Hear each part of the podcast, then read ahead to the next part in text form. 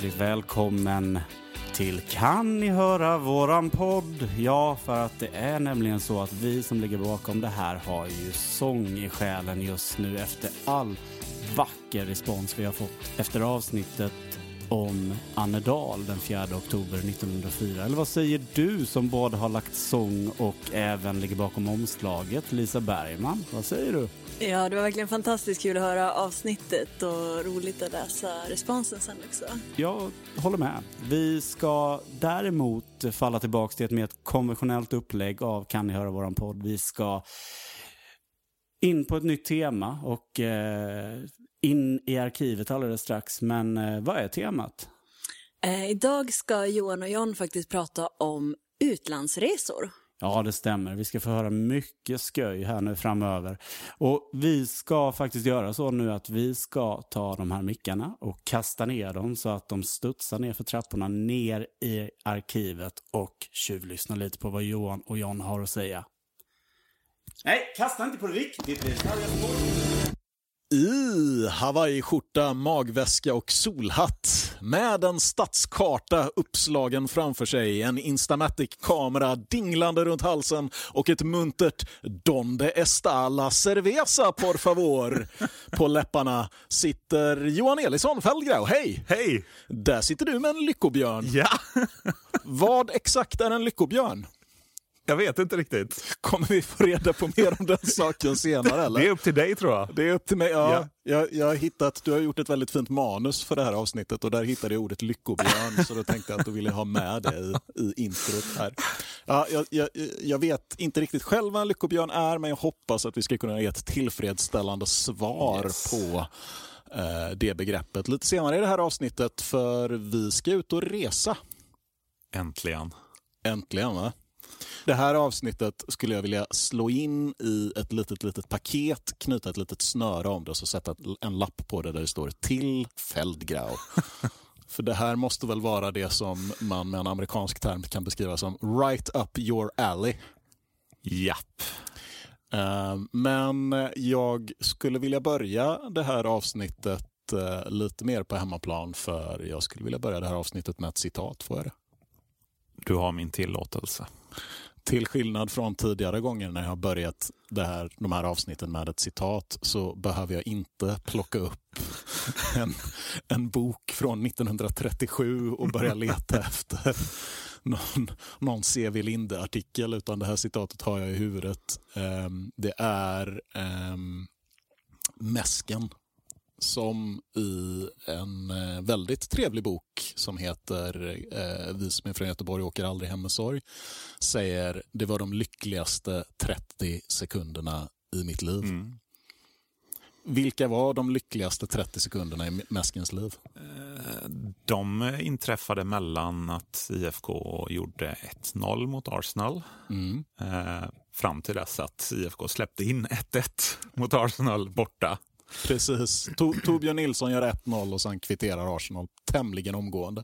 Och vilket år pratar vi om förresten? Nu pratar vi om 1980. Yes. Um, men det är ju alldeles för sent för Kan ni höra våran podd. Men vi får lämna Highbury för tillfället. Ja.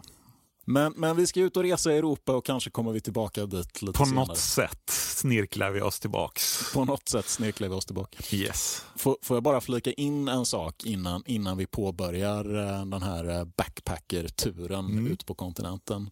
Ehm, vi ska ju säga att uh, Mäsken var ju en mycket känd och älskad figur eh, i alla blåvita led. Eh, en sorts förenande gestalt som alla supportergenerationer lärde känna.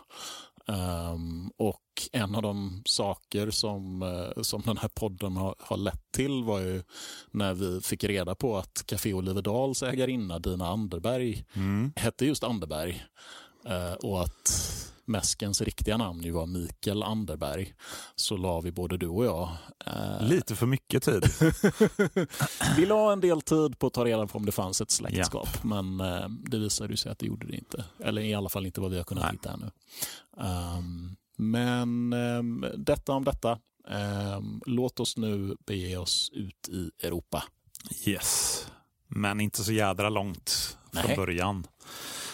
Vi befinner oss på 1910-talet. Ehm, Kanske mitt favoritårtionde. så kan det vara. Eh, vi ska ju prata resor såklart. Eh, och den första utlandsresan som, som IFK Göteborg gjorde eh, som förening, eh, åtminstone att spela match, gick till Köpenhamn 1911. Mm. 1911, det, det var ett riktigt skitår eh, ur alla möjliga synvinklar, eh, Blåvitt sett. Vi tappade två av våra bästa spelare, bland annat Erik Börjesson till ÖIS. Eh, Nils Andersson, som vi eh, dju- djupdykte i i förra avsnittet, Mm. emigrerade. Ja, precis. Han, eh, han stack till Amerika ganska hastigt och oväntat får man eh, när man läser vittnesmålen. Att det liksom kom lite som en blixt från klar himmel. Precis. Han var ju lagkapten och hade varit med från starten så det var en enormt stor impact. Ja. Och inte minst så hade SVFF eh, uteslutit oss ur alla deras anordnade turneringar. Så vi kunde inte försvara vårt SM-guld från 1910. Ska, vi, ska vi köra den snabbt? Säg SVFF. SVFF. Fotbollsmördare. SVFF. Fotbollsmördare. Ja, Tack. där fick vi in den. Där fick vi in den. Som, som tur var kunde vi spela serien 1911 för den anordnades inte av SVFF. Men det, det är en annan eh, eh, historia som vi kommer dra i senare avsnitt, hoppas jag. Eh, hur som helst, det var ett krisår, eh, stor spelaromsättning. Eh, men en höjdpunkt i alla fall. Vi fick åka till Köpenhamn eh, för en vänskapsmatch mot eh, Köpenhamns bollklubb. Eh. KB även kallat. Ja, eh, Köpenhamns bollklubb är ju ett lag som... Jag tror att frågar du gemene man så är det väl ingen som tycker att eh, jo, men det där är ju en klassisk relation i den blåvita historien. Men Nej. det är det ju faktiskt. Ja. Eh, KB är ju en numera helt bortglömd motståndare men de tillhör ju faktiskt kanske en av de ursprungliga rivaliteterna eh, även om det är en ganska eh, snäll rivalitet. Eh, man möter varandra eh, Återigen, tack Jens Hallberg och ifkdb.se.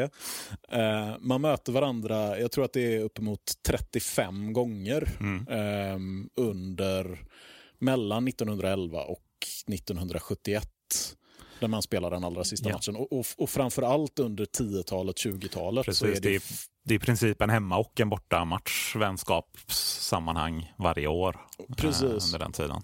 man, man spelar ju bland annat eh, i vänskapsturneringen Pix-pokalen mot varandra. och jag, jag måste säga att eh, vår, vår gemensamma bekant och min styrelsekollega Leffe Canossa har ju gjort sig känd för att han ofta eh, framhäver Krokslättspokalen. Ja, Pixpokalen. Eh, Pi- Pixpokalen, ja, det, det, det svider i mig att vi aldrig plockade hem Ja, Pixpokalen. för jävligt. Det, det kan ju sägas om KB också, bland annat att eh, eh, matchtröjorna påstås, våra blåvita matchtröjor påstås ha varit inspirerade av Köpenhamns bollklubb som hade blåvitrandiga tröjor. Just det. Det kan också sägas att vi hatar FCK extra mycket eftersom de i princip slog samman KB med, nu kommer jag inte ihåg vilken annan Köpenhamnsförening det var, bollklubben Ja, 1899 eller 1903 eller 1903 är det va? B, Ja. 90. Ja, det spelar ju mindre roll, men, men ja. Så de förstörde väldigt mycket fin historia eh, där.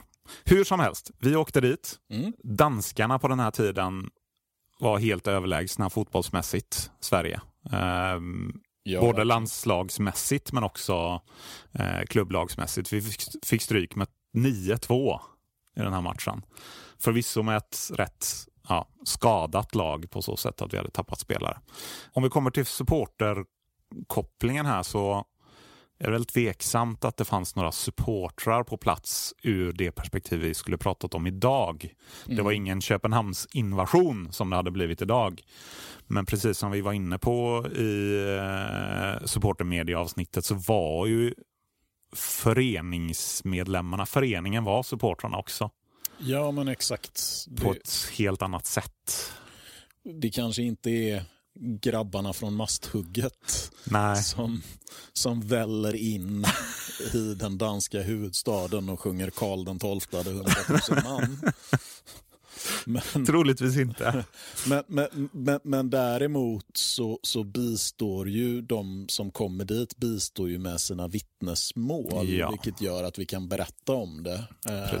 För att det skrivs om i, i, eh, i spalterna. Exakt. Av eh, till exempel, ja vem då? Ja, C.V. Linde har skrivit en liten visa som vi, som vi ska ta upp. Men in, innan vi kommer till den så, så kan man ju prata lite om att eh, just det här med att supportrar och föreningen kanske var samma sak så, så kan man hitta i, i föreningens officiella skrift eh, finns det en bild eh, i 15-årsskriften från en bortaresa till Helsingborg 1917 eh, där det är på bilden är det egentligen de elva spelarna som var där eh, i kostym, kostym och, och fluga och rock och hatt. Men bildtexten, den lyder bra, bra, bra. IFK, brassa på. En hejagäng i Helsingborg 1917. Vänta nu. Bra, bra, bra, brassa på. Det är ju, den, den där känner jag igen. Ja, den känner vi igen. Ja, den har varit med i sångavsnittet bland annat. Precis. Eh, och på den, på den här tiden så, så gör man många mindre sådana här turnéer eller resor till, till Danmark och Norge. Det är där, de två länderna vi rör oss i. Eh, bland annat så är vi det första svenska laget som spelar bandy i Köpenhamn just det. 1918. Oj, bara en sån Eh, sak. Som, precis. som bandyentusiast Ja. kittlar det ju lite. C.V. Linde var eh, bra bandyspelare för övrigt. Han vann, både, han vann DM med både IFK i Göteborg och med eh, Uddevalla i eh, Bohuslän. Jag är så jävla inte förvånad att C.V. Linde har spelat DM med Uddevalla i bandy. Finns det någonting han inte har gjort? Precis. Det, men det, det här är ju också... Eh, un, under 10-talet så, så eh, förvandlas ju... Alltså, det var vi inne på när vi pratade om i, i, i media. Att eh, fotbollen tar såna enorma kliv Mm. från lokal angelägenhet till verkligt internationell angelägenhet. Under 10-talet så växer ju till exempel landslagsfotbollen Ja. till eh, att vara en, en folklig angelägenhet. Alltså den första landskampen spelas 1908. Mm. Eh, det, ba, på bara några få år så strömmar ju publik till. Man, Precis, man kan ha redan, extra tåg till ja, landskamper. redan 1915 så är det liksom extra tåg till eh, borta landskamperna som med mycket folk. Så det går väldigt snabbt. Så att, eh, det, det är ju ingen slump att, att även IFK Göteborg börjar eh, resa utomlands eh, just vid den här tiden. Exakt. Samtidigt ska man kanske inte se det här resandet som en, kanske bara en sportslig angelägenhet på det sättet att man ville möta utländska lag, utan det handlar lika mycket om eh, någon sorts föreningsliv. Eh, I princip varje av de här matcherna som spelades utomlands mot eh, Oslo-lag eller Köpenhamnslag eh, var ju någon sorts umgängesresor också. Det var bankett på kvällen och det var festandet kvällen innan och liksom som helhet så skulle jag vilja likna det väldigt mycket med en modern supporterresa egentligen. Man åker utomlands, det kanske inte är matchen egentligen som är Nej, det, det, det är de här störiga 90 minuterna Ja. någonstans. 90 minuter plus Precis. 15 någonstans mitt i. Men det är inte det som är resan. Nej, Resan är exakt. allt annat. Och, och man ska nog inte underskatta heller när vi talar om det tidiga resandet vilken enorm upplevelse det måste ha Ja. varit för de här. Vi, vi rörde vid det då i, i vårt förra avsnitt, Annedal 1904. M- Man ska inte underskatta vilka förhållanden Mm. de här spelarna kommer ifrån. Vi pratar om un, unga män som vars föräldrar var uppvuxna eh, under nödår och svält i statarlängor på Mm. gårdar. Vi pratar, jag menar, Erik Börjesson så sent som just de här åren när han är Sveriges mest firande fotbollsstjärna då odlar han egen potatis hemma i Jonsered för att hans familj ska ha mat. Mm. Det, det är en helt otrolig liksom, eh, em, social misär. Ja. Och att då som, som ung människa, som, och dessutom är det amatörregler, vilket innebär att du jobbar heltid på ett vanligt jobb. Sen spelar du flera matcher i veckan. Att då få liksom komma ut, komma iväg, eh, äta god mat, bo på hotell, se andra städer. Exakt. Det, det måste ha varit något helt enormt. Ja. Eh, när IFK börjar kunna resa. Och man, man förstår att, att de sedan väljer att liksom resa. Till, att, att de väljer på, på fullaste allvar så tror jag att det kan ha fått folk att liksom stanna i klubben. Ja. Att, att, man får göra de här liksom roliga... Och det var inte bara A-laget som reste, det var ju B-laget också som, som reste bland annat till Fredrikshamn, eh, eller Havn, några år senare.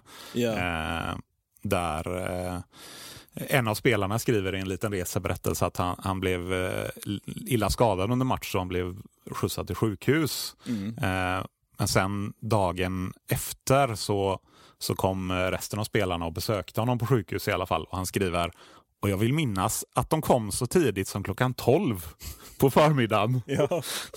det, det, ger en känsla av att det, det var, det, kvällen efter matchen var nog inte bara gå och lägga sig utan det var lite ro, roandes och, och nöje där också. Just efter matchen-banketterna eh, kunde ju vara här, riktigt... Mm. det, det, finns ett underbart eh, Förvisso inte från en utlandsturné, men, men det finns ett, ett underbart vittnesmål från en bankett Eh, under en eh, inhemsk turné som Blåvitt genomförde sommaren 1932. Låt vara lite senare då än, än det vi pratar om nu. Eh, men då skriver, skriver en, en lokaltidning i Sundsvall så här. Eh, efter matchen förbrödrades de båda lagen vid en gemensam kollation på Hotell Knaust. Göteborgarna avslöjade sig därvid som ett kamratgäng i ordets bästa bemärkelse. Den store landslagsbacken Samuelsson berättade klämmiga sånger ur berömda charmörers repertoar med en otvungen ledighet som inte kunde undgå att imponera. Och Lövgren sjöng sällsamma berättelser från stormigt sjömansliv på Kattegatt med darr på stämman och herr Gunnar Rydberg deklamerade Stenhammars Sverige med en skandering som sällan hörts på så nordliga breddgrader. Därefter höll, hålls det såklart ett officiellt tacktal, men, men, men bara det här, okej, okay, att, att spelare i Blåvitt sjunger och Gunnar Rydberg deklamerar. deklamerar. Fan, jag vill se så här, ja. nästa, nästa gång vi spelar, på, på, middagen efteråt, Mattias Bjärsmyr, ja. upp med dig och deklamera lite ja. för helvete. Precis. Och, och det, det, märks i, inte minst i vissa berättelser, det var, det var någon jag läste från ett Norgebesök, mm. eh, undertonen i berättelsen när man berättar om banketten och den var torrlagd. Ja. Att de hade förvisso gjort det så gott det gick ja. eh, när man inte hade snaps till maten. Och det, hand, det handlar inte bara om, om banketten som sådan och, och kunna dricka där utan också eh, speciellt Danmarksresorna att ta hem lite extra mm. som gick ett tag. Eh, sen eh, 1918 så berättas det att eh, då var danska tullen lite hårdare. Jag gissar att det är kopplat till att det pågick ett världskrig eller hade precis varit ett världskrig. Um, jag tror bara de var... Eh, de danska tullen är bara hård allmänt. De, de, de bara hängde i partybromsen de ja. jävlarna. där, där Erik Eiserman, en av eh, våra spelare som hade finskt påbrå, kom undan den danska tullen våren 1918, alltså kriget pågick fortfarande, genom att hävda att han var på väg till Finland för att kämpa mot bolsjevikerna bolsjevikerna i finska inbördeskriget och ju behövde lite färdkost genom det fattiga och utarmade Sverige. Då kan vi väl säga då till eh, alla våra lyssnare som eh, på någon fotbollsrelaterad resa kan hamna i lite klammeri med ordningsmakten. Det är bara att säga att man ska slåss mot bolsjeviker. Ja. så kommer man undan med det mesta.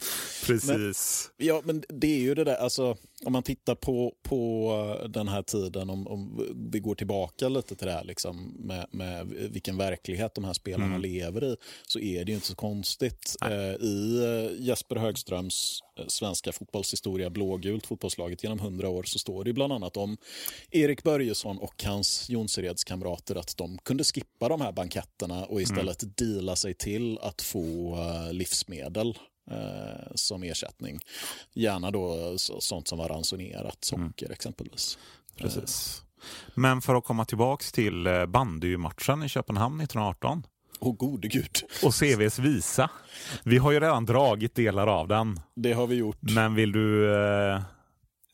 Det, det skadar ju inte att dra det igen.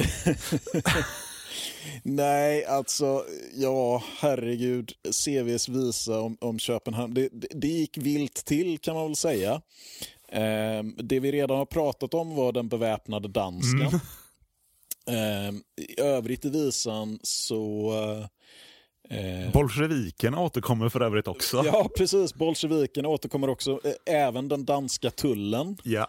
Eh, en komedi det var med Toll i som Dompan ville ha en roll i. Han genom tullen hjälpte Sellman och Dompan var den dagen en Sellman. Mycket oklart. eh, även en liten referens till eh, eh, vad som verkar ha varit usla växelkurser mellan mm. den danska och den svenska kronan. På måndagen gick vi ner på Ströget och jäste så som folk förmöget. Vi köpte för varenda öre, men inte mycket fick man för det. Ehm, någon som heter Buster tycks även ha blivit eh, tröttnat på sin rumskamrat eh, och stuckit iväg eh, i bara kalsongerna eh, till ett annat rum där han försov sig och inte ja. hittas. För, alltså allt det här är bara så här. Det, är det Vilnius för några år sedan vi pratade om eller? Varenda jävla Europaresa ja. låter ju det här, alltså det man har hört. Så här, men, så här, ja, men Buster blev så jävla lack ja. på att eh, hans rumskompis snarkade så han drog iväg i kallingarna. Liksom. Alltså, Precis. Det, det är väldigt mycket. Men, men det har vi som sagt var redan varit ja. inne på. De tidiga resorna till Norden var lika mycket festresor och umgängesresor som det var sportsliga resor egentligen.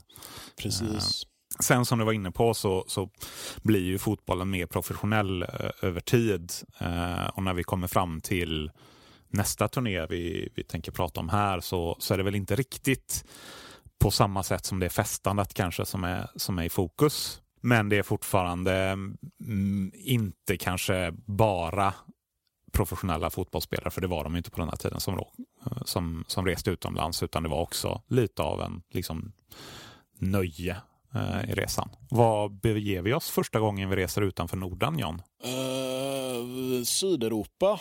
Det stämmer. Uh, det, är en, det, är en, ja, det är en spektakulär resa. Det får man verkligen säga. Är, man är lite förvånad över att blå... Alltså, på, på något sätt, så, för det vi ska prata om nu det är Spanien, mm. Spanien-turnén.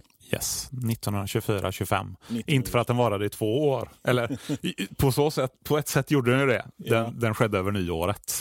Precis, och, och, och, det man reagerar på här är ju hur, eh, hur fort det har gått. Alltså att Blåvitt har råd att genomföra mm. det här att Blåvitt har infrastrukturen att genomföra det här. För att hela 10-talet så går ju klubben mer eller mindre på ja. eller liksom I 15-årsskriften 1919 Uh, som ju är bara uh, några år innan mm. det här, så pratar man ju om att ja, men vi har egentligen aldrig haft pengar. Nej, precis. Det, det har alltid varit skit med liksom, ekonomin och ja, så. Och, man ser att det börjar vända lite under 1919 om jag inte minns helt fel, men det är ju det är ju inte en rik förening vi pratar om. Nej, och, och ändå klarar man att göra något så här spekt Det här är väl typ det här är det längsta som ett svenskt ja, lag har åkt precis. Vid, den här tidpunkten. Inga andra har liksom varit så här långt Nej, bort.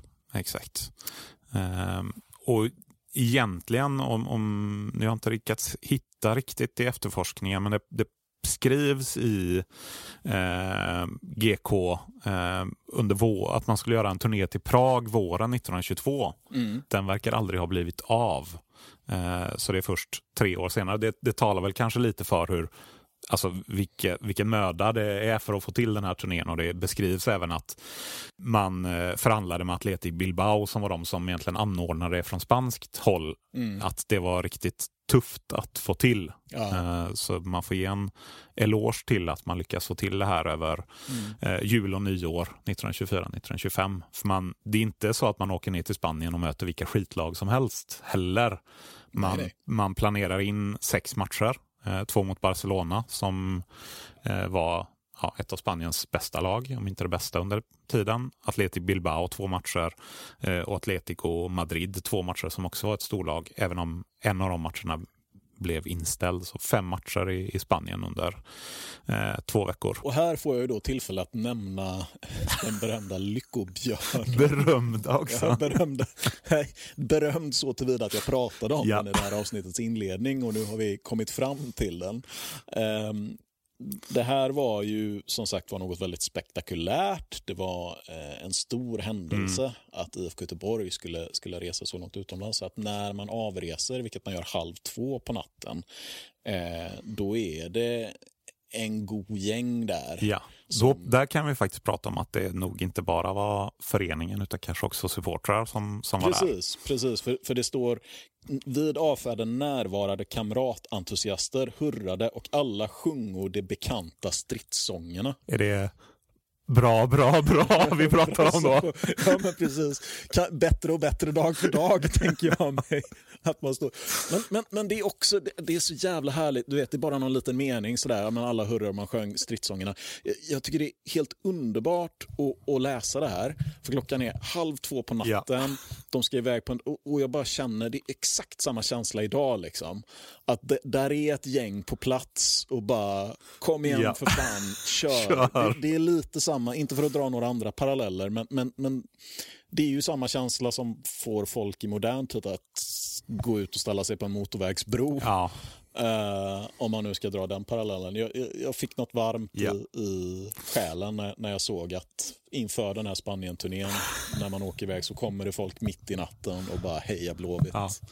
Eh, kör så det fucking ryker. Kro, krossa Spanien. precis. Men Och det, det är fint. Det är Ja. fint. det, det, det är verkligen fint. Men, men så var det då det här att det står att systrarna Rydberg begåvade oss med en lyckobjörn vid samma tillfälle.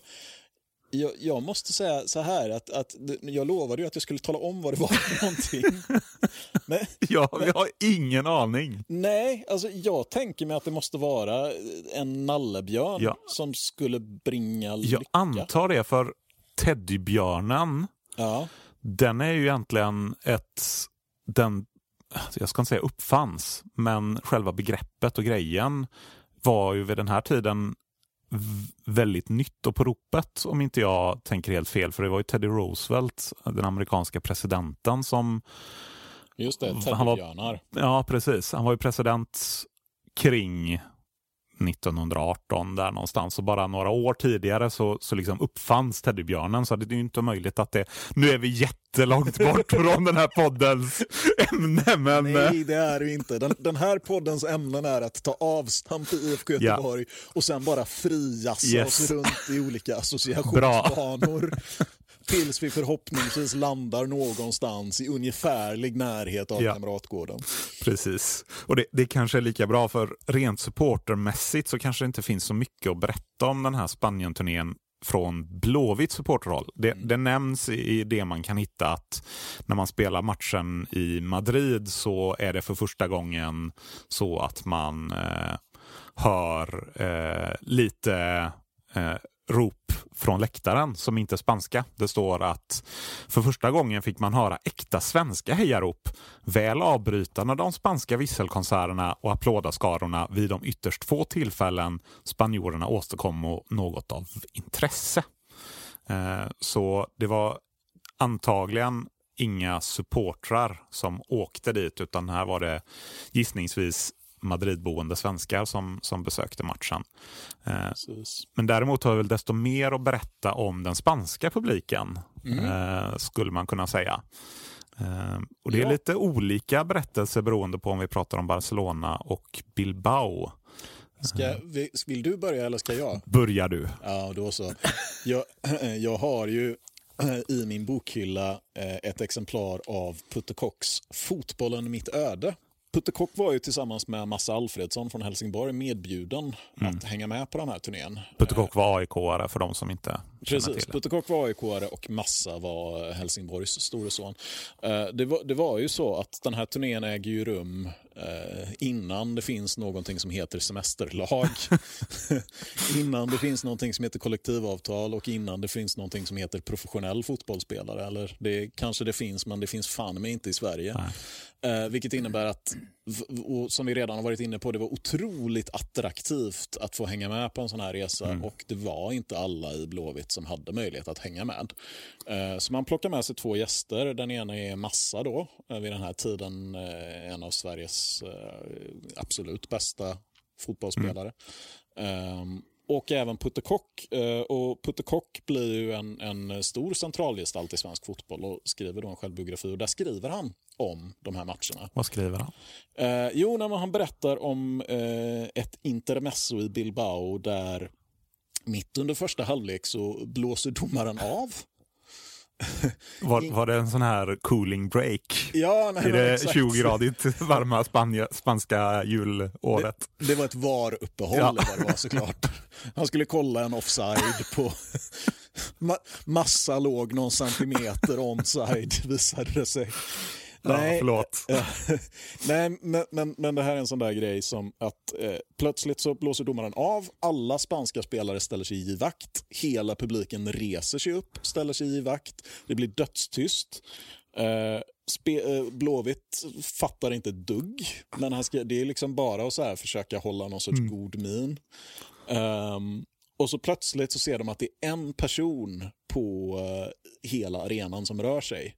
Och det är en gigantisk människa i brun rock som kommer marscherande eh, till hedersläktaren där han slår sig ner på en ledig plats. Och när han har satt sig ner då sätter sig alla andra ner och så blåser domaren igång. Och efter matchen så får de reda på att det här är då den store spanske idolen Paulito. en boxare tydligen. Eh, Jag går bara Ja, ja, ja. folk skriver här. Tydligen en boxare som, som precis var hemma efter att ha spöat upp ett engelskt ringvrak i en match i Paris. Eh, och då får sin hyllning. Ehm, det är svårt att föreställa sig att något liknande skulle hända idag. Sådär bara, oj, shit, fan, nu domaren blåser av, alla slutar spela, för nu kommer det en kändis och sätter sig på hedersläktaren. Precis. Skriver Putte något mer intressant? Ja, det gör han. Eh, han eh, recenserar den spanska publiken, kan man säga. Eh, Putte Kock var tvungen att åka hem i förtid från den här turnén. Eh, det gjorde han för att eh, han skulle göra militärtjänstgöring och hans mamma missuppfattade datumet och skickade ett telegram till honom till Spanien Åh. där hon skriver att du måste komma hem och, och göra lumpen. Så han åker hem över halva jävla Europa, inställer sig och så säger officeren typ va, vad gör du här? Du har tjänstledigt en vecka till. Men, men i alla fall, han hinner då vara med på de här Bilbao-matcherna. Och efter den här underliga episoden med, med boxaren så, så spelar han den andra Bilbao-matchen och där eh, inträffar det någonting som, som jag tror är, är ganska unikt. Eh, I alla fall eh, utifrån anledningen till att det händer. Den matchen spelas med eh, två domare, en Ja. domare i varje halvlek. Eh, och det är för att domare nummer ett inte vågar köra vidare i halvlek nummer två. Eh, enligt Putte Kock då. Eh, han hävdar då att det var väldigt hårt spel av spanjorerna. Eh, att bland annat Erik Andersson fick sig en käftsmäll av den spanska spelaren Larazza. Ehm, och att eh, eh, domaren så gott han kunde försökte beivra det ruffiga spelet och då ådrog sig den hetlevrade publikens missnöje. Ja. Och, så, eh, och då påstod man tydligen för svenskarna i halvlek att han hade blivit illamående. Ja. Och så skriver Putte Kock lite bittert att han såg dock frisk ut när vi såg honom försvinna. Eh, sen kommer det då en annan domare eh, vars mission var att lugna ner publiken. Eh, hans oförskämdhet mot svenskarna var upprörande. Under hela denna halvtid visade sig publiken ytterst välvillig mot den nye domaren som i sitt publikfrieri äcklade oss. Eh, Putte Kock skriver också att det här får Blåvitt att avstå från de sedvanliga hurraropen efter matchen. Man går helt enkelt av planen utan att tacka för god match. Lite som så här ett purket korplag Ja. kan göra idag. Vi vill inte tacka motståndarna, Nej, domaren, precis. för en god match. Det vill vi verkligen. Jävla sketgäng. Liksom. Ehm, och då, då, eh, även enkla fotbollsspelare kan ha rätt att bli förbannade, tycker Putte Kock. Och, Ja. och, och det här är ju en intressant Ska vi kalla det för en kulturkrock? Ja. Det är ganska vanligt i, i reseberättelserna att att, eh, att man pratar om liksom de, de vilda sydlänningarna och deras heta temperament och så vidare. Eh, jag har för mig att eh, det, det sker lite publik det händer en del i Barcelona också. Vi, visst gör det det? Ja, och det är in, innan vi går in på det, precis som du säger, i Sverige vid den här tiden så lever väl fortfarande något sorts ideal om att publiken ska vara neutral och bara hurra och vara glad. Eh, som blir den här kulturkrocken. För i Spanien och speciellt i Barcelona så första matchen förlorar man. Då är publiken jätte glad och snäll även mot svenskarna. Eh, Rydberg som stod, stod i mål och liksom höll ner eh, siffrorna. Han fick jättemycket applåder varje gång han gjorde en räddning. Mm. För Barcelona ledde väl med 3-0 redan. Mm. Eh, sen i andra matchen som IFK lyckas vinna med, med 2-1. Där eh, kommer lynchropen från läktaren. Eh, man vill lyncha domaren. Det, det krävs att eh, gendarmer med, med gevär går in och hindrar publiken från att, från att storma planen. Eh, kort och gott.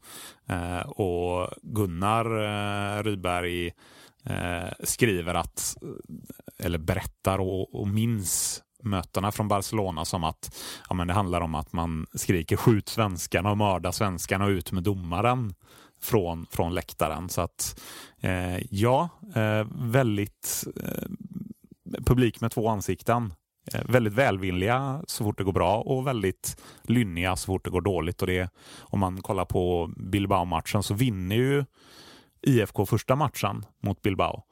Eh, och när det bara står 1-1 i halvtid i andra matchen så kan man förstå att man bytte ut domaren för att inte åka på en eh, neslig eh, torsk mot svenskarna. Fan vad gött att få lite nya skäl att hata Barcelona. ja, precis. Och sen spelar man även en, en match i, i Madrid mot Atletico. Och av, avslutas eh, reseberättelsen med att Erik Andersson skriver i, i en skrift att det enda man nu hoppas är att kunna göra en liknande härlig resa. Eh, och det tänkte man göra också. Mm. Vad hände? Man eh, tänkte åka till Spanien 20 år senare, ungefär 1946. Men eh, det blev inte av. Varför blev inte det av? Det handlar om de jädra bolsjevikerna som sätter stopp för detta. Spanien 1946 är ett annat land. Franco har tagit makten. Ja och IFK planerar den här resan ändå. Men i en norsk tidning, en norsk kommunistisk tidning, så väcker man frågan om lag verkligen borde resa till den här typen av länder. Och där hamnar Blåvitt i den här skärningspunkten idrott, politik mm. eh, som ju är en följetong under hela 1900-talet och in i våra dagar. Eh, det kan man göra, det har sagts och skrivits otroligt mycket om eh, vad, när är det rätt att spela match, när är det fel att spela mm. match. När är, alltså, från Peking-OS hela vägen tillbaka till Berlin-OS och Precis. mer till. Så vi kanske inte behöver gå in jättemycket på det, men Nej. det man valde, linjen man valde var att inga idrottsförbindelser med Franco. Exakt. Uh, vilket gjorde att man inte åkte till Spanien. Det var inte jättepopulärt bland alla spelare. Nej. Um, Gunnar Gren var väldigt missnöjd med detta, bland annat. Såklart. Men... Uh, och det, det, det, går tillbaka till, precis som vi sa tidigare, att liksom, utlandsresandet var ju ett något att se fram emot även för spelarna på, på det sättet. Men fram emot 40 och 50-talet så eh, kanske handlar om en, en liten annan twist på det. Eh, Lennart Krusner skriver 1959 att under de senaste tio åren har de allsvenska fotbollsspelarna blivit rätt bortskämda med omfattande och lockande turnéer långt utanför de konventionella reseböckernas regioner. Ja, det hör till vanligheterna att våra storklubbar under vintern spelar mot konkurrenter från andra sidan jordklotet. Och det här var en rätt stor lockgrej när man värvade spelare. Ja, självklart. Man, man, får tänka på att det här är innan massturismens mm. tid. Ehm, även om svenskarna i gemen har fått det bättre sen, sen Erik Börjesson och hans potatisodling ja. så, så är det ju fortfarande så att de flesta människor i Göteborg kommer aldrig få chansen att se något annat än Skandinavien. Mm. Och om man då är fotbollsspelare och uh, det kastas fram att ja, man häng med oss så får du åka till Malaysia. Mm. Eller vad det nu kan vara, alltså för att dra ett land ur, ur, ur listan. Uh, så är det klart att det blir en jättegrej. Mm. Um, och det, det, det, märks också vilket avtryck det här gör. Som, som de flesta andra.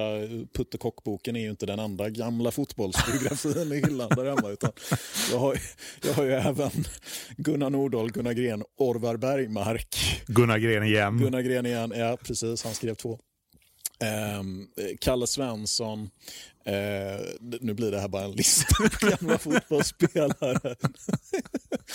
Nej, men i, I de här biografierna så märker man att just utlandsresorna tar väldigt, väldigt stor plats. Mm. De gör ett enormt starkt intryck på spelarna. Um, och, och, och, blir det lite som de tar med sig från sin fotbollskarriär där man ju inte har, man, man har inte tjänat några stora pengar, man har haft ett vanligt jobb vid sidan av och, och man kanske inte heller, när, när man ska liksom nedteckna sina memoarer så är det svårt att göra det eh, att skriva om liksom det vardagliga allsvenska mm. spelet. Där blir det bara så här, ja, men vi var ett gott gäng som kom fyra ja. det året. Liksom. Men, men utlandsresorna är ju, växer och blir, blir så enorma händelser. Precis. I de här och inte bara händelser utan också Sverige vid den här tiden har ju fortfarande amatörfotboll och ett bra tag till, mm. eh, säkert 30, 30 år till, eh, som begränsade väldigt mycket vilka typer av ersättningar man kunde ge till spelare. Men så fort du åkte utomlands så kunde du ge matchgage, yeah. du kunde ge restraktamente, du kunde ge ersättning för förlorad arbetstid mm. och inte minst så kunde du ge fina representationskläder. Så det här var ju också ett sätt att ja, inte kringgå, men ändå kringgå amatörbestämmelserna mm. på något sätt. Du, du kunde göra något som spelarna uppskattade både som eh, nöje men också som ersättningsmässigt. De slapp jobba men fick samma peng plus lite till. Vem skulle inte tacka nej till det? och vid den här tiden så Eh, 1949 så, så finns det ett stycke i eh, Torbjörn Anderssons Kung Fotboll om att Sverige hade vid den här tiden förmodligen mest internationellt klubbutbyte i världen. Det, det fanns inget annat land där klubblagen reste så mycket som Sverige. Mycket beroende på att vi var ett av få, få fortfarande amatörbundna eh, länder. Inte konstigt att Gunnar blev lite putt och på tal om 1949 och utlandsresor så leder det kanske oss osökt in på eh, nästa upptåg som eh, Blåvitt hittade på. Ja, det stämmer. Och eh, nu blir jag eld och lågor här. Äntligen ska jag som gammal Amerikasvensk få prata om socker. kan ni höra våran podd. Jajamän. Another soccer point for the Gothenburg Comrades.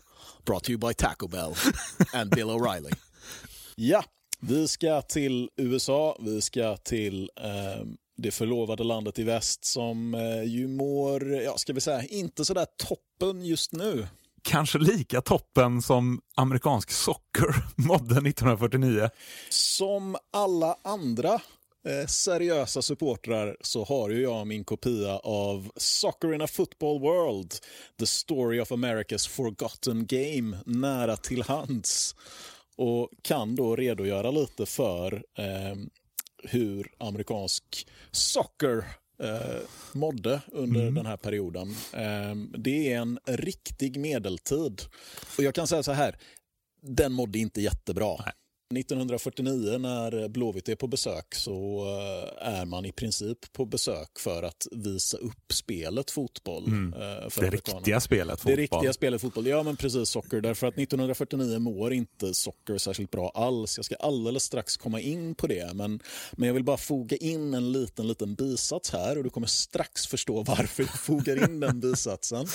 Eh, det är att USA och amerikansk socker och Eh, Sverige och Göteborg har en ganska lång historia. Mm. Ehm, den viktigaste personen i den amerikanska sockerns tidiga historia är en man som heter Thomas Cahill. Eh, Thomas Cahill var handelsresande mer eller mindre i eh, idrottsvaror. Han representerade ett företag som heter Spalding och han fick resa till Sverige Eh, en hel del. Eh, både i sin kapacitet som sekreterare i det dåvarande amerikanska soccerförbundet eh, men även som representant för Spalding. Han skickade en kopia av Spaldings Soccer Guide som var någon sorts bibel de gav ut till Sverige och lyckas då få till en, ett, ett USA, ett besök av amerikanska mm. fotbollsspelare. En, en turné av amerikanska fotbollsspelare. Det här är så tidigt som 1900 16? 16, ja precis. Man seglar i juli 1916 och det är de första amerikanska landskamperna i fotboll. Mm. Och de spelas alltså på svensk mark. Eh, inklusive en, en match som med rätta blir berömd på Stockholms stadion i mycket, mycket blöt mm. blött väder där eh, den amerikanske backen, som hette just Spalding för övrigt, skickar iväg en ballong från 60 meter som studsar in över den olyckliga målvakten. USA vinner med 3-2, det är en jätteskandal ja. i tidningarna. Och det här leder ju mig då till att nämna, vem tror du? Det finns ju en person som vi brukar nämna i, i alla avsnitt. Ja, och nu är det dags. Ja. Jag var tvungen att få in honom. Oh, jag sträcker han. mig bakåt här av glädje. här kommer han marscherande. C.V. Linde. Eh, C.V. Linde var eh, inte imponerad av amerikanerna. Eh, han... Eller jo, han var, Amerika han var imponerad mm. på så mm. sätt att han, han, tyckte att det här var ett, ett farligt gäng. Mm. Eh, men han skrev också att deras primitiva brutalitet och deras vilja att vinna till varje pris var eh, lite, eh, lite skrämmande. Ö mm. Överlag så, så, när man läser CV och, andra den här liksom amerikanska turnén så, så, framstår just amerikanarnas enorma vilja till att liksom besegra. Ja. Någon skriver att det får svensk, de svenska lagen att se ut som eh, eh motionsgäng för äldre herrar. 33 år senare är det 1949 och då mår amerikansk socker riktigt, riktigt mm. dåligt. Mm. Man hade haft en egen liga under 20-talet. Eh, den har blivit nedlagd. Eh, baseball, eh, fotboll. Uh, inte basket, för den sporten är inte uppfunnen ännu, mm. men, men, baseball och fotboll har tagit över. Uh, 1949 efter kriget så är socker i princip en angelägenhet för uh, en lokal angelägenhet för migranter. Mm och även för vissa universitet. Um, men på universiteten där fotboll spelas, och det är också sådana lag som Blåvitt möter, så, så handlar det om Eh, alltså det är ett verkligt uland när, de kom, när det kommer till fotboll. Det, det, är spelare och ledare som ofta inte har någon egen erfarenhet av hur spelet ska spelas. Ja. Eh, vilket leder till väldigt märkliga... Alltså, det, det står bland annat att man har oerhörda problem med inkast hur inka, vilket leder till att de här universitetslagen på flera ställen så får man ta inkast med en hand. Så att man liksom kastar det ungefär som man kastar en fotboll eller en baseball. Um, det är också väldigt, väldigt vanligt tydligen att man har ingen som helst teknik för hur man egentligen ska sparka till bollen. Utan det gör man på samma sätt som man sparkar till en, en fotboll. Det vill säga man sparkar med tån, mm. man sparkar hårt, rakt med spänn, alltså så hårt man bara kan. Ja. Ungefär som att man ska ta ett field goal. Uh, så, så det måste ju vara det, det, jag tror inte att motståndet som Blåvitt möter är sådär jätteinspirerande. Eh, Precis. Och jag kan också tänka mig, för, för eh, enligt uppgift så, så um, hänger de här väldigt märkliga, liksom påhittade egna reglerna. De hänger kvar väldigt länge. Man har en halvcirkel, eh, straffområdet är utformat som en halvcirkel mm. bland annat. Och det finns inga restriktioner på byten. Uh, och med tanke på att uh, det var kutym att man fick göra ett byte ganska länge ja. så, så måste det ha förbryllat uh, Blåvitt en aning. Um, men den här visiten sker ju i en kontext. Um, det är så att europeiska lag har börjat åka över. Det börjar med Liverpool um, och därefter faktiskt Hapoel Tel Aviv. Ja. Hapoel Tel Aviv drar, gissa hur många? 3000? 40 43 000 pers kommer till Yankee Stadium Oj. för att se Hapoel Tel Aviv lira boll. Um, så det, det, är en grej att europeiska mm. sockerlag kommer och visar upp sig. När Blåvitt kommer och spelar i New York i juni 1949 Um, då, då möter man Newcastle. Det, det här är så jävla konstigt. Ja. Man, man, märker lite att det har, det har, gått så här. Alltså Liverpool är först. De kommer ganska snabbt efter kriget. Uh, och sen blir det bara en mischmasch av olika typer av lag. Det är liksom så här Inter, Belfast, ja. Hapoel Tel Aviv har vi redan varit inne på. När Blåvitt kommer över 49 så är det verkligen bara, så här, det är bara ett gytter ja. av märkliga kombinationer. Så, så, så Blåvitt spelar då en dubbelmatch där det är först 17 000 pers kommer, mm. ska jag säga för övrigt. Först är det Blåvitt mot Newcastle. Och sedan är det ett inofficiellt amerikanskt All-star-lag mot ett inofficiellt skotskt All-star-lag. och det är bara så här så jävla konstigt ja. liksom. Det... Eller, ja, kom och se två sockermatcher. Ja. Först har vi ett svenskt lag som ingen har hört talas om och sen har vi två inofficiella landslag som gör upp mot varandra. Det, det påminner mig om, det he, helt oresearchat nu, men, men ett tag så spelades det ju en liga i USA där alla lagen var rebrandade mm. europeiska lag. Alltså så här, något skotskt lag, något irländskt lag, något engelskt lag som åkte över till USA under eh, sommaruppehållet. Precis. Eh, och spelade under typ så här Bethlehem eh, Giants. Fast egentligen var det Linfield från Nordirland. Ja. Ja, det har skett mycket. Ja. Jag, jag, jag, rekommenderar varmt om, om man inte har något bättre för sig, eller på att säga. Men, men, just den här boken, Soccer in a football world, mm. där är en väldigt, väldigt intressant kulturhistoria och, och förklarar ganska väl eh, varför det har mm. blivit som det har blivit. Vi ska väl säga också att det här är ju såklart en, ehm, en stor, stor grej för de blåvita spelarna. Mm. Och uh, Rune Emanuelsson, Killing kallad, precis. Uh, han jobbar vid den här tiden för Systembolaget. och de har en egen tidning för sina anställda. Där får han tillfälle att skriva då en lång reseberättelse om kamraterna i Amerika. Mm. där han får tillfälle att berätta om allt de ser och allt de gör. Eh, inte så mycket om enarmade inkast och tåfjuttar dock, utan mest om eh, att de eh, går på stan i New York och sådär. Eh, vi kan också berätta att med på den här resan är ju en, eh, ett av de eh, kanske mest intressanta ödena i IFK Göteborgs historia. Vem är detta? Detta du tänker på? Du jag får tänk... förklara. Ja, eh, det finns ju några enskilda människoöden i, i Blåvitts historia som, mm. som eh, fascinerar och griper tag i en. Reine Fält är ett sånt. Eh, Herbert Murren Karlsson är ett annat. Mm. Um, och med på den här resan, uh, han utmärker sig för att uh, han är så slarvig, är en kille som heter Dan Ekner. Ah.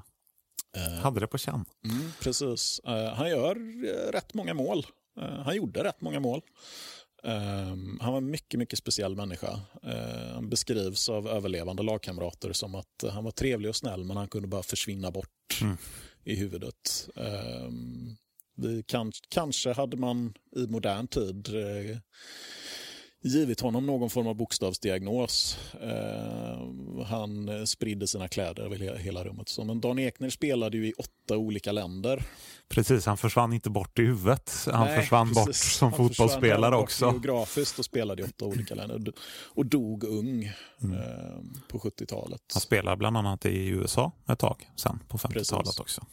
Eh, en mycket, mycket fascinerande man som som sagt var dog alldeles för ung. Eh, men, men han är med, Killing Emanuelsson är med och de möter alltså eh, fris, friska och glada grabbar som, som inte riktigt har koll på reglerna alltid.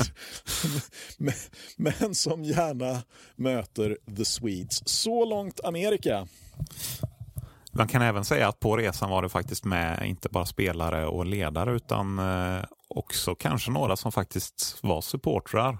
Eh, jag läser eh, resereportaget ur Göteborgskamraten mm. där det står att Kalle Berg var med som tog semester och följde oss härs och tvärs genom staterna och många, många andra. Så att det kanske fanns ett lite entourage av eh, mer supporterliknande profiler där. Jag har faktiskt inte koll på vem Kalle Berg är. Det där är ju i så fall det första vi ser av att en människa, alltså en supporter åker på Mm. åker på resa för att följa sitt lag. Vi, vi har varit med, I Spanien har vi varit med om att man, liksom, man, man hälsar borta bussen när Ja. man rullar iväg från Göteborg liksom, med, med stridsrop och sånger och sånt. Men, men här har vi ju någon som, som kanske, kanske, Ja. kanske gör en, eh, gör en Feldgrau Ja. och lägger, lägger semesterdagarna efter om Blåvitt spelar utomlands. Precis. Mm. Så långt Amerika. Så långt med Amerika. Eh, det var ju inte den enda turnén man gjorde under de här åren direkt. Om man, om man kollar på åren ja, men, från 1949 fram till ja, egentligen ända in på 80-talet så kan vi rabbla upp. Man åkte till Frankrike, Tjeckoslovakien, Israel, Cypern, Turkiet, eh, Grekland, Israel, Israel igen, Japan, Indien, Burma, Singapore, Kina, Malaysia, Malaysia igen, Singapore igen, Kina igen, Vietnam, Sri Lanka och Egypten. Så att det här är liksom en Ja, det, det restes rejält under de här åren. Det är rätt häftiga borta. Ja, Fan vad sur man hade varit som supporter om det hade varit liksom, vad fuck, Malaysia. igen! Igen. Svindyrt att ta sig till. Och... Men, men, men den här Fjärran Östern-resan, 51, har vi väl lite på va? Ja, Ja, det, det är ju det, det sjuka med den resan, eller det konstiga med, med, med den resan där man åker till Indien, Burma och Singapore, det är att det är alltså en renodlad belöningsresa. Ja. Det är någonting de får göra och det får de för att de har gått upp i allsvenskan igen. Jag, jag kan bara föreställa mig så här, Blåvitt skulle spela i superettan nu och så klarar man, man kravlar sig upp, okej vi spelar i Allsvenskan Ja. nästa år. Och så får folk veta att och då ska de få en belöning för det. De ska få åka tvärs över hela jävla jordklotet. Ja. och, Alltså- och spelarna hade kanske inte heller bara så här Indien och Burma. Ja, exakt. Varför inte Dubai eller? Ja. Nej. Men, men där har vi ju ett par saker som, som ändå är, är värda att nämna. Och det ena är ju att eh, under den här turnén så, så eh, spelar ju Blåvitt inför vad som man tror är vår största publik någonsin. Mm. Va? Precis. Eh, East Bengal är East laget man möter. Den klassiska rivaliteten. Ja. East Bengal FC. Precis. Eh, 100 000 åskådare påstås det varit på plats där. 100 000 åskådare. Ja. Bara änglar. Bara änglar. Och eh, East Bengal som eh, du får väl tacka Jens Hallberg för som uppmärksammade detta. De firade 50-årsjubileum eh, precis nu innan nyår som efter segern mot Blåvitt, för de vann mot Blåvitt, första gången som de slog ett europeiskt lag efter att Indien blev självständigt. Där ser man. Barfotaspelare för övrigt. Ett land som jag inte nämnde i uppräkningen, Sovjet 1964. är Också en eh, intressant eh, upplevelse kan tänka. Ja, precis. Man gör ett par resor där, både 64 och 65. Det är Mm. svå- svårt att veta om det är, en, eh, om det är något medvetet, men både Ja. 64 och 65 är man ju bakom järnridån. Så att säga. Ehm, man åker till eh, Östtyskland. Är det Östtyskland 64 och Sovjet Ja, 65? tvärtom. Eller är det, det är tvärtom. Ja. Okej, för det- just den här turnén mot Sov i, i Sovjet, där möter man ju bland annat, eh, alltså det mest kända laget man möter är Mm. ju eh, Zenit Sankt Petersburg. Vet, du- vet du vad det fina med Zenit Sankt Petersburg-matchen är förresten? Det, det, här. Det här är också en sån där eh, fri, fri associationslek, höll jag på att säga. Men, men när jag gjorde research inför det här avsnittet, det här är för bra för att inte nämna. Zenit Sankt Petersburg är inget storlag när Blåvitt möter dem. Man är väldigt poppis på sin hemmaplan, men man, man färgar inte i serien. Man, man är liksom nedre mitten, bottengäng. Eh, och åker bara några år efter att Blåvitt har varit på besök så, så kommer man vrålsist och ska åka ur. Mm. Men blir inte nedflyttade. Vet du varför? Man eh, kanske inte räknade serien på bara ett år utan genomsnitt över flera år som de gjort i Sydamerika. Det hade ju varit rimligt. det här är ganska... Okej, okay, det är en orimlig anledning. Ja, det, ja. det, beror, det beror på kan man säga. Nej. Då kan jag Sen... nog inte gissa mig till den. Zenit Sankt Petersburg åker ur, sex... nej de åker inte ur, de kommer sist 67. Gissa varför man inte flyttar ner dem? Mm, nej, jag har ingen aning. För det är 50 år efter revolutionen och då kan inte ett ah. Petersburglag åka ur sovjetiska ligan. Så, så, så högsta Sovjeten sa nej. Ser ni, ni får stanna kvar. Sist, men de stannar kvar i ja. den högsta ligan. Detta märkesår i ah. Sovjetunionens historia så måste ju Petersburg vara kvar. Så långt Zenit Sankt Petersburg. Sovjetresan verkar ha varit en, en, en jädra tripp. Mm. Um, man lyckades även klämma in Georgien i, i detta, ska nämnas. Förutom eh, Azerbajdzjan och, och Sankt Petersburg. Det här var ju mycket riktigt en vistelse bakom järnridån och vi, vi vet ju att eh, minst en spelare i eh, IFK Göteborg fick för sig att eh, det där kunde man ju utnyttja på mm. den tiden. För att västerländska varor var ju eh, ganska så hett eftertraktade.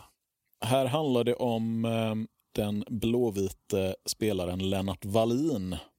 Eh, han har faktiskt okejat att det här nämns i ja. avsnittet. Ja, via Jens Hallberg har han okejat det. Eh, han tog med sig skjortor av fint oh. svenskt snitt till Sovjet som han tänkte att han skulle kränga. Eh, får kontakt med ett gäng ryssar ute på stan. Hänger med dem till en mörk trappuppgång utväxlar varorna, får sin betalning, går glatt visslande därifrån. Och sedan när han stöter ihop med någon som faktiskt vet Något. någonting om Ryssland överhuvudtaget och visar upp liksom, så bara, du, det där är inte pengar. Jaha, så då hade han fått lottsedlar istället. Vann han något? Ja, han, faktum är att de här lottsedlarna finns kvar oh, i det Wallenska hemmet. Klenod. Ja, jag, jag, tänker så här, i, i det stora, liksom så här, i de, den blåvita souvenirernas ja. slash klenodernas så måste ju lottsedlarna från Sovjet vara en, eh, en verklig ja. vinst. Precis. Ja, så långt Sovjet. Yes. Hade vi något mer där eller? Ja, igen, egentligen så, så sker det ju alldeles för många sådana här resor för att överhuvudtaget kunna täcka någon sorts helhet. Men, men, vi kan ju nämna att resor för resandets skull pågick ända in på, på 80-talet. Om man läser Bernmar, eh, Bernmars självbiografi mm. så skriver han om, om eh, man åkte till eh, Florida 1980. Just det. Så skriver han att så här efteråt kan väl alla vara överens om att den avslutande decemberturnén till Florida och skojmatchen mot Fort Lauderdale var bortkastade pengar. Mm. Men har man i ett tidigt skede lovat spelarna och deras flickor denna upplevelse gör man nog klokast i att stå för sina ord, även om de krassa ekonomiska siffrorna säger något annat. Också en sån grej som hade blivit sånt jävla liv om idag. Ja. Klubben står på ruinens brant. och då ska man åka till Florida för att spelarfruarna ja. Precis. Ja, gud, det hade inte slutat Nej. väl. Och, och mer, kanske lite mer okänd fakta är väl kring när vi inte vann eh, bragdguldet 82 så skickade mm. man ju, den kända faktan är ju att vi inte vann och att mm. man skickade ju ett telegram till eh, Mats Wilander. Ja, precis. precis. vi slog för många bollar i nät. Ja. Eh, det skickade man från en turné på Trinidad Oj. i november 82. Aha. ytterligare en gissningsvis en sån här, fan vad duktiga ni vart i år. Yeah. Det, det, var de kanske förtjänta av 1982 förvisso. Då kan jag, jag, kan köpa det 1982. Ja. Det är okej. Okay. Jag kan köpa det 1982. Av alla ja. år i den blåvita historien. Åk till Trinidad för helvete. Bara gör det. I november också. Ja. Här, åk ifrån Göteborgs november. Ligg på Trinidad i en vecka och sola er. Det är okej. Okay. Precis. Det var nog inte det sportsliga motståndet som lockade den, i den resan. Eller hur. Uh. Det här med nöjesresandet försvinner försvinner ju, eller de här rena, liksom, vad man ska kalla de glorifierade semesterresorna mm. försvinner ju sedan. Därför att under 80 och 90 och även 00-talet så spelar ju IFK Göteborg tävlingsmatcher i Europa på ett helt annat sätt. Så man är ute och reser ändå. Mm. Och Det där har vi inte varit inne på riktigt än, det här med liksom tävlingsmatchandet i Europa. Det, det förekommer ju faktiskt en del även innan. 70-talet är det när, när det drar igång. Vi ska Ja. komma in på det alldeles strax. Men, men en bisats i det här sammanhanget är ju faktiskt att en av IFK Göteborgs tävlingsmatcher i Europa eh, inte just bortamatchen, men hemmamatchen utmärker sig på ett väldigt speciellt sätt. Vet du varför? Ja, det vet jag faktiskt. En, Ja, men- en fråga som jag kan svara på. Men Jag- berätta då för oss. Jag tror att du tänker på Sparta Rotterdam Just i det. Europaspelet eh, i 1959 sa du kanske. Mm. Eh, det är den första matchen som eh, direktsänds på svensk tv Precis. i, från Europaspel. Då. Mm. Ehm, Ska finnas kvar i SVTs arkiv och gå att beställa ut. jävligt dyrt. Jävligt dyrt. Eh, Jag vet inte vad reglerna säger om att anordna offentliga visningar men om den här podden någonsin blir tillräckligt populär för att vi ska, och pandemin någonsin Mm. tar slut, så tycker jag det hade varit värt det att ordna en visning av IFK Göteborg Sparta Rotterdam Precis. från 1959. Och det, och det dröjde, jag tror det är tio år innan nästa Europamatch med något svenskt lag faktiskt visas på tv. Så att det Ja. är en verklig unik händelse på det sättet. Precis, ytterligare en klenod. Men du, ehm, nu blir det 70-tal. Mm. Och då börjar vi närma oss eh, lite mer supporterinslag. Precis. Vi har eh, bland annat eh, från en av de här kanske mer nöjesaktiga turnéerna fortfarande, men 77 eh, åkte man till Hongkong. Eh, och där var det faktiskt en svensk hejaklack på, på plats. Och Bernmar uttalar sig såklart rört om att den blåvita rörelsen sviker oss aldrig. Det där är ju väldigt, väldigt fint. Och det här är ju mitt i, alltså man kan ju se, 77 är ju i just den här liksom Bernmar-vågen. Eh, det sena 70-talets liksom folkfester. Um, någonting som ebbar ut lite mer sen under 80-talet där det blir Europamatcherna som, Ja. som drar folk. Så, så det är nog ingen slump att det är just det här året som, som det faktiskt kan finnas en blåvit he- hejaklack på plats i Hongkong. Ehm, vi ska också säga att det är vid den här tiden, sent 70-tal, när IFK Göteborgs supportrar för första gången börjar resa ut i stora nummer. Eh, 78 slutar man trea i allsvenskan och det innebär att man får spela i Intertoto-cupen. Och denna fantastiska Ja, visst, sa, händelse. visst saknar du den? Ja. Visst saknar du Intertoto-cupen? Du, du ska bara höra, man lottades med FC Zürich, Bohemians Ja, Bohemians. och Odense. Ingen superlottning. Bohemians med Kängurun som klubbmärke. Hur som helst så eh, i, Odense så eh, åkte man faktiskt eh, 20 pers typ. Ehm, och det är alltså en gruppspelsmatch i Intertoto i Odense. Mm. Det var bara gruppspel på den tiden. Ja, ja men det. precis. ja, Ja, sorry. statistiknörden här. Ja, precis, du kan sånt här mycket bättre än jag. Ehm, men det där eh, tar man faktiskt upp i eh, en annan bok som jag har som heter Vi som är från Göteborg åker aldrig hem med sorg. Eh, som ingen seriös supporter kan vara utan. Ehm, att eh, det var ganska ovanligt eh, att svenska supportrar åkte utomlands. Att det åker 20 pers ändå och ställer sig och hejar är eh, inte jättevanligt. Det, Nej, var, precis. det var egentligen eh, det var engelsmännen som åkte i stora nummer till Ja. utlandet. Svenskar gjorde inte det så mycket. Vi har ett exempel från 66 i inte Toto-cupen som vi berättade om i tidigare avsnitt där den hejaklacken på plats bestod av spelarfruarna Ja, eh, precis. i, i precis. Östtyskland. Så att Ja. resandet var inte speciellt vanligt för supportrar Mm. eh, förrän 70-talet. Och därmed har vi tagit oss fram till mäskens bästa 30 sekunder i livet. Mm. För att eh, efter Hongkong 77 och Odense 79 så eh, vinner ju Blåvitt Svenska kuppen. Eh, vilket gör att man får spela cupvinnarkuppen. Där man slår ut greker och irländare och sedan kommer då Arsenal. Eh, och Arsenal 1980 är någon sorts startskott för det stora Europaresandet. Ja. Ehm, Det, det är nästan så att i, i mitt huvud så, så man spelar ju även Europa åren innan. Men det Ja. är lite bortglömt. Det, det är verkligen startskottet för Blåvitt som Europalag. De är 2000 man Ja, där nere. Och självklart så handlar det ju dels om att ehm, eh, det finns en färjelinje mellan Göteborg och England. Det fanns ju på den tiden, eh, vilket innebär att det var liksom lätt att ta sig dit. Ehm, det var också, man fick möta ett tipsextra-lag. Eh, Man ska nog inte underskatta vilken enorm betydelse det måste ha haft Verkligen inte. 1980 för en generation som hade vuxit upp med Tipsextra under hela 70-talet och få möta Arsenal Mm. på plats. Alltså det måste ju det måste ha känts som science fiction typ.